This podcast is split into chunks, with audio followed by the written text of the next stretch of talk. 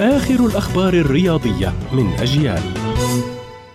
أهلا ومرحبا بكم. إليكم موجزا لأهم الأخبار الرياضية. وضع ريال مدريد قدما في نصف نهائي دوري أبطال أوروبا بعودته بفوز باهر من معقل تشيلسي حامل اللقب بثلاثة أهداف لهدف في ذهاب الدور ربع النهائي من المسابقة.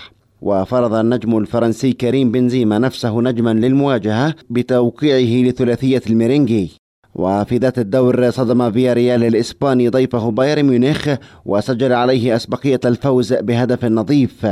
أعلن الاتحاد الجزائري لكرة القدم أن الطعن الذي تقدم به أمام لجنة الانضباط في الفيفا ستتم مناقشته يوم الحادي والعشرين من الشهر الجاري. وكان الاتحاد الجزائري اعترض على التحكيم الذي أداره الحكم بكاري جسامة في المباراة أمام نظيره الكاميروني ضمن تصفيات كأس العالم.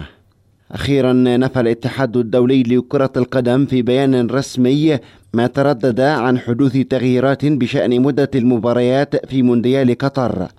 وقال فيفا في بيان إن الأخبار والشائعات التي نشرت حول تعديلات في القواعد المتعلقة بمدة مباريات كرة القدم لكأس العالم في قطر 2022 أو في أي مسابقة أخرى غير صحيحة.